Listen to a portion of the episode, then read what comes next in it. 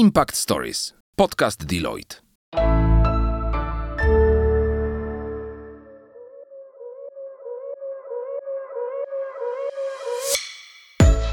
Cześć! Impact Stories powstało z myślą o studentach, którzy szukają inspiracji, chcą się rozwijać i poznawać świat biznesu od kuchni.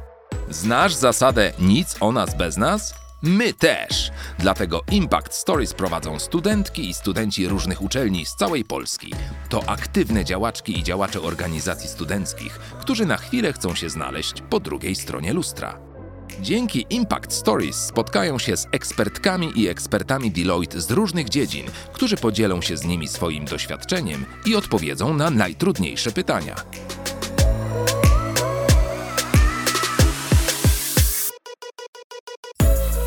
Dzisiejszym odcinku usłyszycie ambasadorki Deloitte, Weronikę Lewkowską, studentkę Uniwersytetu Warszawskiego i członkinię organizacji studenckich NZS UW, Enactus UW oraz Koła Naukowego Strategii Gospodarczej Uniwersytetu Warszawskiego oraz Annę Mokryńską z Uniwersytetu Ekonomicznego w Katowicach, która aktywnie działa w kole naukowym rachunkowości Rachmistrz. Ekspertami, z którymi porozmawiają są Malwina Faliszewska, Learning and Development i Diversity and Inclusion Senior Manager oraz Filip Kaplita, starszy konsultant w dziale doradztwa podatkowego, członek sieci Globe zrzeszającej pracowników LGBT oraz osoby sojusznicze.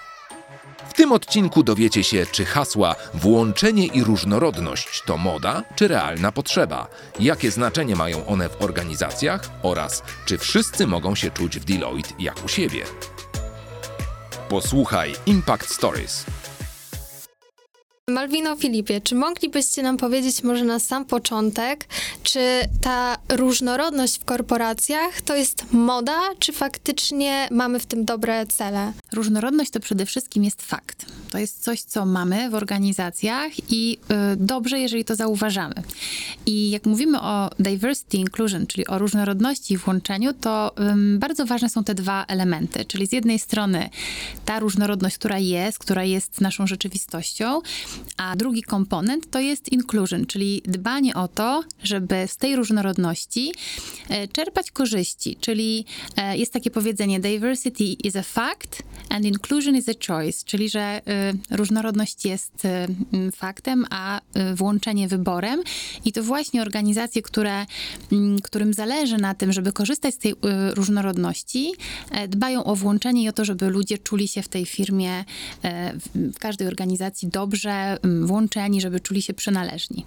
Także bym powiedziała, że to nie jest moda. Myślę, że to jest po prostu nowa rzeczywistość i firmy, które mm, myślą poważnie o swoich pracownikach, dbają o te dwa aspekty. Rzeczywiście, tak jak powiedziała Malwina, nie jest to moda, e, jest to nowa rzeczywistość, e, z której e, mądre organizacje korzystają, ponieważ tutaj wiele dobrego może to przynieść. Czyli uważacie, że jest to nam realnie potrzebne? Absolutnie jest to potrzebne i firmy się już o tym przekonały. E, I te firmy, które idą do przodu i przyciągają najlepszych ludzi, firmy, które e, osiągają najlepsze wyniki, wpisują sobie obszar diversity inclusion w swoją strategię biznesową. To już nie jest takie coś, co było kiedyś nice to have, że gdzieś tam było dobrze się być może pochwalić jakąś jedną inicjatywą. E, dobrze zarządzane diversity inclusion wchodzi w całą organizację, w takiej DNA i um, i, spraw, i jest obecne w różnych e, elementach, w procesach, e, w, w, procedurach, w różnych właśnie, e, jakby w całej tkance organizacji i dzięki temu no, firma rośnie. A czy moglibyście nam powiedzieć, jak realnie wpływa to na takie codzienne funkcjonowanie e, przedsiębiorstwa? Może ja dam taki przykład. E, jest, e, można sobie wyobrazić taki rysunek, e, gdzie mamy trzy osoby.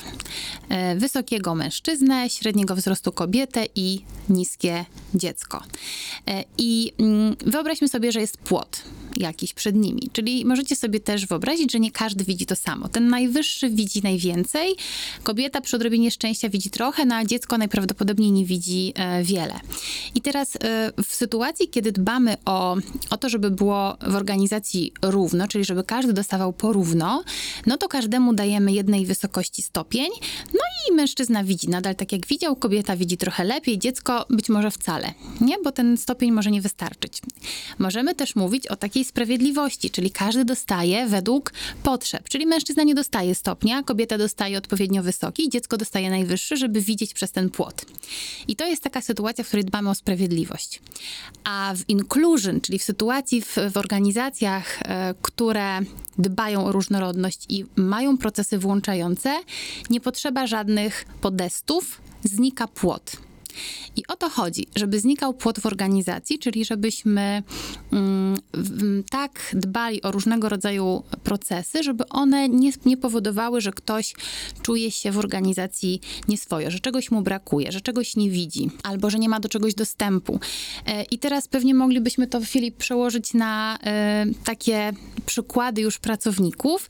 To ja może opowiem o na przykład kobietach, które wybierają się na urlop macierzyński e, i e, właśnie są w ciąży, wybierają się na urlop macierzyński w sytuacji, kiedy na przykład organizacja nie ma dobrych procesów, to jest prawdopodobne, że taka kobieta odejdzie na swój urlop macierzyński bez awansu, e, na przykład bez oceny, bo odejdzie w takim momencie w roku, kiedy akurat nie ma procesu oceny, bo zwykle te oceny są raz do roku albo raz na pół roku.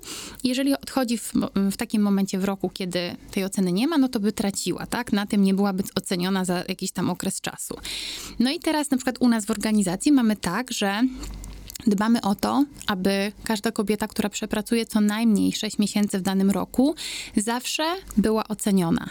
E, I to jest taki proces, który włączyliśmy, czyli e, włączyliśmy ten element, żeby zadbać, żeby ona nie była wykluczona z takiego procesu, bo jest to proces, któremu podlegają wszyscy pracownicy. No i co dzięki temu zyskuje? Zyskuje to, że liczy jej się ten ostatni rok, że e, jest podsumowana jej praca za dany okres czasu, no i oczywiście rozmawiamy wtedy o awansie podwyżce i o tym, co się będzie działo, kiedy wróci. Więc to jest taki przykład ode mnie, ale pewnie ty, Filip, masz jakiś swój.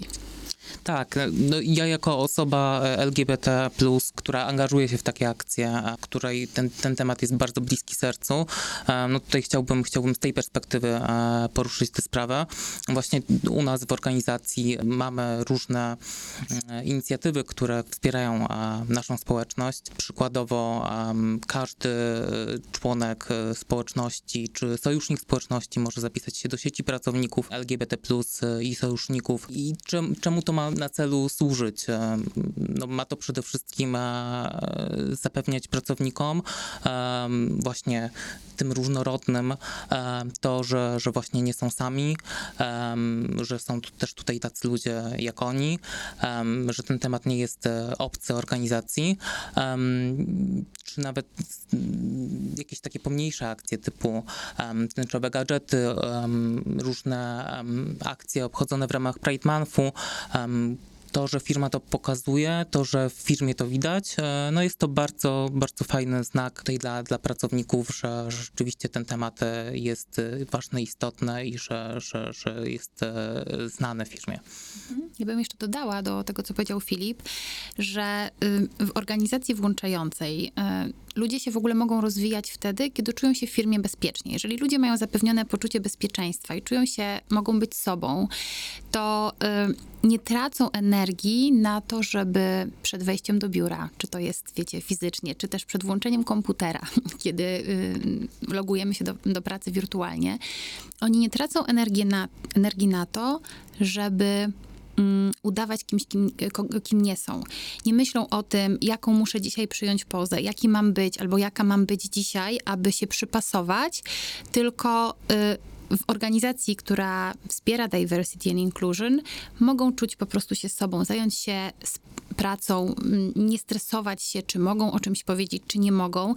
Mm, Wydaje się, być, mo- być może pozornie się wydaje, że to nie jest takie ważne, ale z opowieści różnych osób, nie tylko osób z, ze społeczności LGBT, ale tak samo e, różnych innych, starszych, młodszych, kobiet, mężczyzn, e, jeżeli jest coś, gdzie czujesz, że nie pasujesz z jakiegokolwiek powodu, to po prostu zżera ci od środka stres, no jesteś mniej efektywny, więc to też e, no, w ten sposób e, wspieramy naszych pracowników, że, że mogą wyrażać siebie. I myślę, że ja akurat się cieszę, że, mm, że dużo tych inicjatyw się u nas pojawia. I że adresujemy różne aspekty, e, bo po prostu dzięki temu pracuje się lepiej. Poruszyliście dwa mega ważne tematy, ale wydaje mi się, że z naszej perspektywy, jako studentów, e, jest jeszcze jeden taki dość mocny temat. To jest różnica w wieku. Co sądzicie? e, Dlaczego ludziom bardzo trudno jest, szczególnie na początku, przełamać taką różnicę wieku? W rozmowie już nie tylko mówiąc przełożony i pracownik, ale nawet takiej zwykłej koleżeńskiej rozmowie. Tak, dokładnie. Nawet z takiego doświadczenia po prostu idziemy do swojej pierwszej poważnej pracy i spotykamy osoby bardziej doświadczone, osoby starsze od nas. Jak przełamać taką barierę, która się może nawet naturalnie tworzy? né? No właśnie, tak myślę o swoich doświadczeniach. Ja też zaczynałam e, pracę w organizacjach e, tego rodzaju świeżo po studiach, czy nawet w trakcie studiów.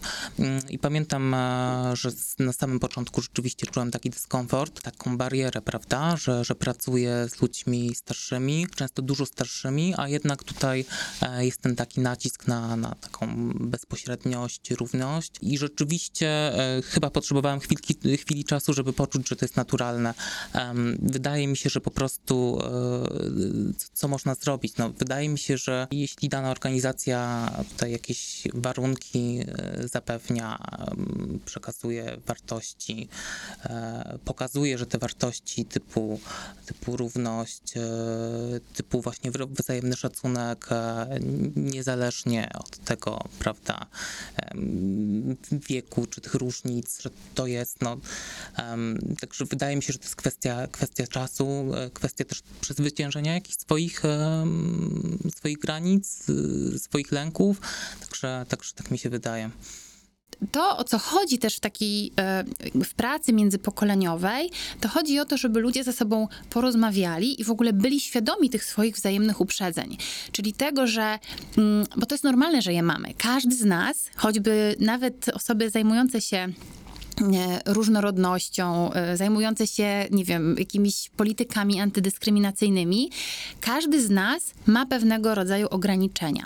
I teraz e, różnica jest taka, że osoba, która jest świadoma tych ograniczeń, może nimi zarządzić. Czyli może myśleć sobie, okej, to jest moja pierwsza myśl, ale sprawdzam. Więc tutaj o to też chodzi. Też jak my mm, dbamy o to, żeby nasi liderzy byli, mówi się o takiej kompetencji dzisiaj inclusive leadership, czyli o liderach inkluzywnych, to nie są ludzie, którzy są kryształowi, którzy nie mają absolutnie e, jakby żadnych wad. To nie o to chodzi. Lider inkluzywny włączający, czy liderka włączająca inkluzywna, to są osoby, które są świadome różnego rodzaju ograniczeń, świadome są stereotypów, świadome są tego, co może się zadziać, ale w swojej pracy kwestionują to, są otwarci, starają się też testować siebie, no i dzięki temu e, potem sprawdzają. Wspomnieliśmy o wielu plusach e, dodawania różnorodności do zespołu, a czy możecie wskazać może jakieś minusy, wady tego zjawiska? Tak, na początku nie zawsze jest łatwo. Bo jeżeli jesteśmy wszyscy tacy sami, albo bardzo do siebie podobni, e, bardzo tacy homogeniczni, no to wtedy jest jasne, że zazwykle, zwykle mamy podobny punkt widzenia, podobne spojrzenie na sprawy, no wtedy jest gładko, tak? Tylko czy wtedy dzieje się rozwój, czy wtedy się dzieje jakaś kreacja, bo, bo być może niekoniecznie. Natomiast Właśnie, różnorodne, mówi się tak, że różnorodne zespoły pracują lepiej, tylko e, aby tak się zadziało, to potrzebne są takie komponenty jak szacunek, wzajemne zrozumienie, otwartość, e, żeby ta różnorodność, żeby móc czerpać z różnorodności, konieczny jest ten aspekt szacunku, włączenia, otwartości i wtedy to się ma szansę zadziać. Wtedy jest szansa, że jak się ludzie ścierają, jak mają inny punkt widzenia, jak ze sobą mm, czasami się pokłócą, mają inne zdanie, no to wtedy z tego może wyjść coś dobrego. Ja w swoim zespole mam tak często, że mamy inne zdania na różny temat. Oczywiście, czy dla mnie, dla liderki jest to wygodne? No nie zawsze, tak? Bo w pierwszej chwili sobie myślę, ojejku, już byłoby dobrze pójść z tym do przodu, tak? A tu znowu jest jakieś ale, albo ktoś ma inny punkt widzenia na coś. Natomiast finalnie, jak e, otworzymy się na to, pogadamy, e, przewałkujemy ten temat w lewo, w prawo, no to mamy lepsze projekty, lepsze produkty, które oferujemy, więc myślę, że jest w tym duża wartość. Ale nie zawsze tak jest, jeżeli nie ma otwartości. I tak, tak właśnie uzupełniając e, na początku e, rzeczywiście ten etap takiego konfliktu, dotarcia, e, to, to jest ten minus i to trzeba chyba przejść, przerobić. Czasem zajmuje to dłużej, czasem zajmuje to krócej, ale rzeczywiście jest to chyba warte swojej ceny.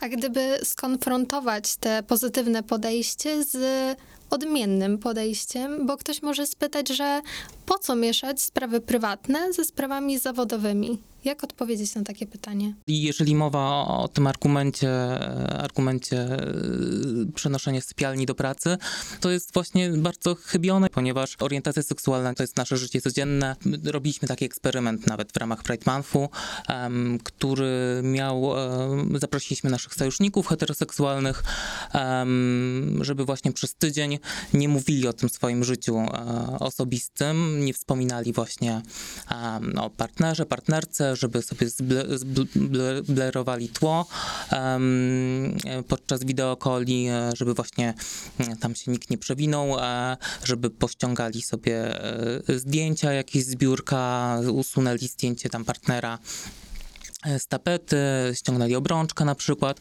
no i żeby właśnie pokrywali to życie przez tydzień. No i wnioski były zaskakujące, że to nie jest to, że, że właśnie, e, że to jest tylko i wyłącznie życie seksualne, no i jest to, jest to życie codzienne, prawda? Każdy, nie wiem, partner może zachorować, e, no, no ciężko to ukryć, prawda? Hmm. To się też jakby można powiedzieć, że to jest temat orientacji seksualnej, to jest temat bardzo społeczny, bo dotyka nas codziennie w pracy. I tak jak Filip powiedziałeś, nagle się okazuje, że jak na, nam, osobom heteroseksualnym, e, nagle ktoś mówi, że możesz, masz nie mówić, że masz żonę, męża, że masz dziecko, że z mężem albo z żoną, z chłopakiem, z dziewczyną byłaś w weekend na wakacjach, no to nagle nam się wydaje to, ale jak? Niemożliwe, przecież to jest takie normalne. Tymczasem osoby ze społeczności LGBT, kiedy nie mają na co dzień e, w, swojej, mm, w swoim miejscu pracy takiego komfortu, żeby o tym szczerze rozmawiać, to tak jakby ktoś im wykroił kawałek ich życia. Więc myślę, że to w ogóle było super e, doświadczenie i fajnie, że dużo z naszych sojuszników w to się włączyło, i, i, i to był taki fajny dowód na to, że to naprawdę nie chodzi o sypialnię, tylko o nasze codzienne życie. Jak już jesteśmy przy relacjach, przy e, związkach, to obok możemy postawić też rodzinę. Czy w waszym odczuciu nadal macierzyństwo, rodzicielstwo e, to jest nadal temat taki dość kobiecy, jednak to, to rodzicielstwo i kobietę stawia się na równi, a mężczyzna i rodzicielstwo już nie do końca, gdzie jednak urlop, ma, na przykład urlop macierzyński jest oczywistością dla kobiety, a na przykład już taki ojcowski, tacierzyński, no no nie do końca. Mhm. Fajnie, że zwróciłaś na to uwagę, bo tak rzeczywiście jest, że rodzicielstwo w pierwszej kolejności e, w organizacji kojarzy się z tematem kobiety w ciąży i kobiety na urlopie macierzyńskim. I akurat w tym aspekcie myślę, że jest wiele rzeczy dotyczących tego, że kobiety mają w związku z tym jakoś trudniej albo czasami pod górę, tak? Bo jeżeli cała opieka spoczywa na nich, no to jest im trudniej przebijać się. Większość procedur dotyczy właśnie kobiet, e, jak je wesprzeć. Natomiast to, co kobiety mają, a czego mężczyźni nie mają e, w tym aspekcie, to jest takie niezbywalne prawo do tego urlopu, czyli mają, mają zagwarantowane przez prawo to, że jeżeli są w ciąży i rodzą dziecko, to nikt ich się nie pyta, albo one nie muszą się prosić o ten urlop macierzyński. To jest oczywiste, nikt tego nie kwestionuje. Tymczasem mężczyźni na dzień dzisiejszy niestety nie mają takiego przywileju. E, mają oczywiście swój, mają na razie taką dowolność, że mogą wziąć tę drugą część, mają swój e, urlop też tacierzyński, natomiast wejdzie taka dyrektywa unijna, która e, ma e, za zadanie wprowadzenie takiego niezbywalnego urlopu, który jest zagwarantowany przez prawo. Czy kiedykolwiek spotkaliście się z działaniami na rzecz różnorodności w organizacji, których było dla was za dużo? Czuliście się przytłoczeni? Wiedzieliście, że to, to się nie uda, to, to, tego jest już za dużo? Mm, jak ja się zajmuję różnorodnością, więc dla mnie im więcej tych akcji, tym lepiej, bo też pamiętajmy, że nie każda akcja trafi do każdego. E, I tak naprawdę mamy bardzo wiele e, mm, osób do reprezentowania. Więc myślę, że, e, że no nie da się chyba tym przytłoczyć, Filip. No, też się trochę zdziwiłem tym pytaniem. No, ja jako osoba, która się pasjonuje też tym tematem, no, dla mnie, dla mnie wręcz, ja bym powiedział, że ciągle chcę więcej, także e, no, przytłoczony się nie poczułem jeszcze do tej pory. Wiecie co, ja myślę, że chyba fajną radą jest na to, żeby bardziej inwestować w to inclusion, bo ono jest bardzo ogólne i nie mówi, że to jest inclusion wobec e, osoby A, B, C, D, tylko e, kreowanie tej kultury włączającej otwartości, ona załatwia bardzo często bardzo wiele spraw. Jeżeli będziemy mieć więcej ludzi włączających, to być może nie będzie trzeba mówić o specjalnych sieciach LGBT+, o sieciach kobiet, o sieciach mężczyzn, tylko będzie po prostu włączające i każdy będzie czuł się dobry, dobrze. Czy skonfrontowanie dosłownie z pytaniem, e, czy jesteś gejem, czy jesteś lesbijką, kim się czujesz, e, jest na przykład dla ciebie, Filip, komfortowe. Jak ty się z tym czujesz? Wiesz co, dla mnie osobiście e, nie, nie, nie, czuję dyskomfortu. Uważam, że, że jestem, jestem dość otwartą osobą. E, cenię sobie bezpośredniość i, i zdecydowanie nie mam z tym problemu. Natomiast no, wiem, że, że to jest bardzo, prawda, zależne od, od od osoby, od tego, na jakim etapie też jest, powiedzmy, samoakceptacji siebie, mm, w jakich warunkach żyje, w jakim środowisku, jakimi ludźmi się otacza. Także, także tutaj temat jest bardzo taki wrażliwy i, i myślę, że do tego trzeba podchodzić bardzo indywidualnie, na pewno ostrożnie, trochę wybadać temat e, delikatnie, także, także na pewno bym uważał. Ja myślę, że z pomocą nam tu przychodzą różnego rodzaju y, gadżety, artefakty, y, takie symbole, które dla niektórych osób założenie na przykład tęczowej smyczy będzie pewnego rodzaju y, znakiem, symbolem, wskazówką dla innych, że jestem albo jestem ze społeczności LGBT, albo jestem sojusznikiem, ale to będzie już mm, pewien znak. Tak, właśnie na takim, e, na takim wymiarze trochę, wiecie, nie, nie, nie do powiedzenia, ale rzeczywiście um, widząc taką, taką smycz czy, czy, kubek na biurku z symbolem e, właśnie jakiejś tęczy, um, no tutaj, tutaj pokazujemy, że jesteśmy otwarci e, i że taka osoba właśnie może chętnie się przed nami otworzy e, w razie jakichś swoich, swoich problemów, czy, czy, czy gdzieś tam jakiegoś dyskomfortu, czy, czy po prostu podzielenie się z nami z tym, myślę, że sama wtedy e, się, się odważy. Czyli taka otwartość i wsparcie. Tak, w, w różnych, właśnie w różnych aspektach. Jesteśmy w takim czasie, że tej różnorodności jest już faktycznie coraz więcej. Jak myślicie, czy idziemy w dobrą stronę i czy też społeczeństwo jest gotowe na tyle zmian? Różnorodność, jak powiedziałam na początku, jest faktem, więc to jest nasza rzeczywistość. E, być może nie całe nasze społeczeństwo w Polsce jest już gotowe, natomiast myślę, że tego nie zatrzymamy, że ludzie chcą czuć się sobą, chcą być sobą e, i i moim zdaniem te organizacje, które inwestują w otwartość na różnorodność, po prostu mają szansę na zdobywanie lepszych kandydatów, na utrzymywanie lepszych ludzi, na to, że kultura będzie bardziej kreatywna mm, i to po prostu znowu powiem, się opłaci. Więc być może społeczeństwo, nie, każdy, nie wszyscy są gotowi, niemniej jednak e, myślę, że tego się już nie zatrzyma. Dokładnie, to się dzieje, e, tego nie zatrzymamy, e, to cały czas postępuje, e, więc po prostu musimy się nauczyć z tego korzystać.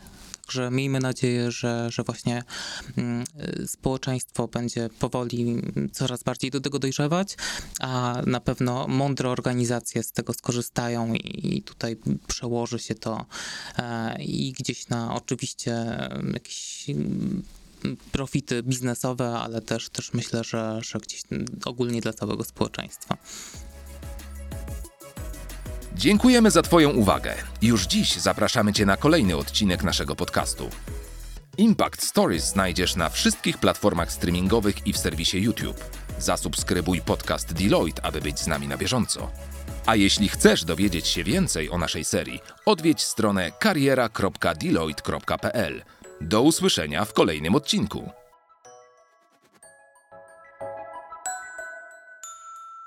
Impact Stories. Podcast Deloitte.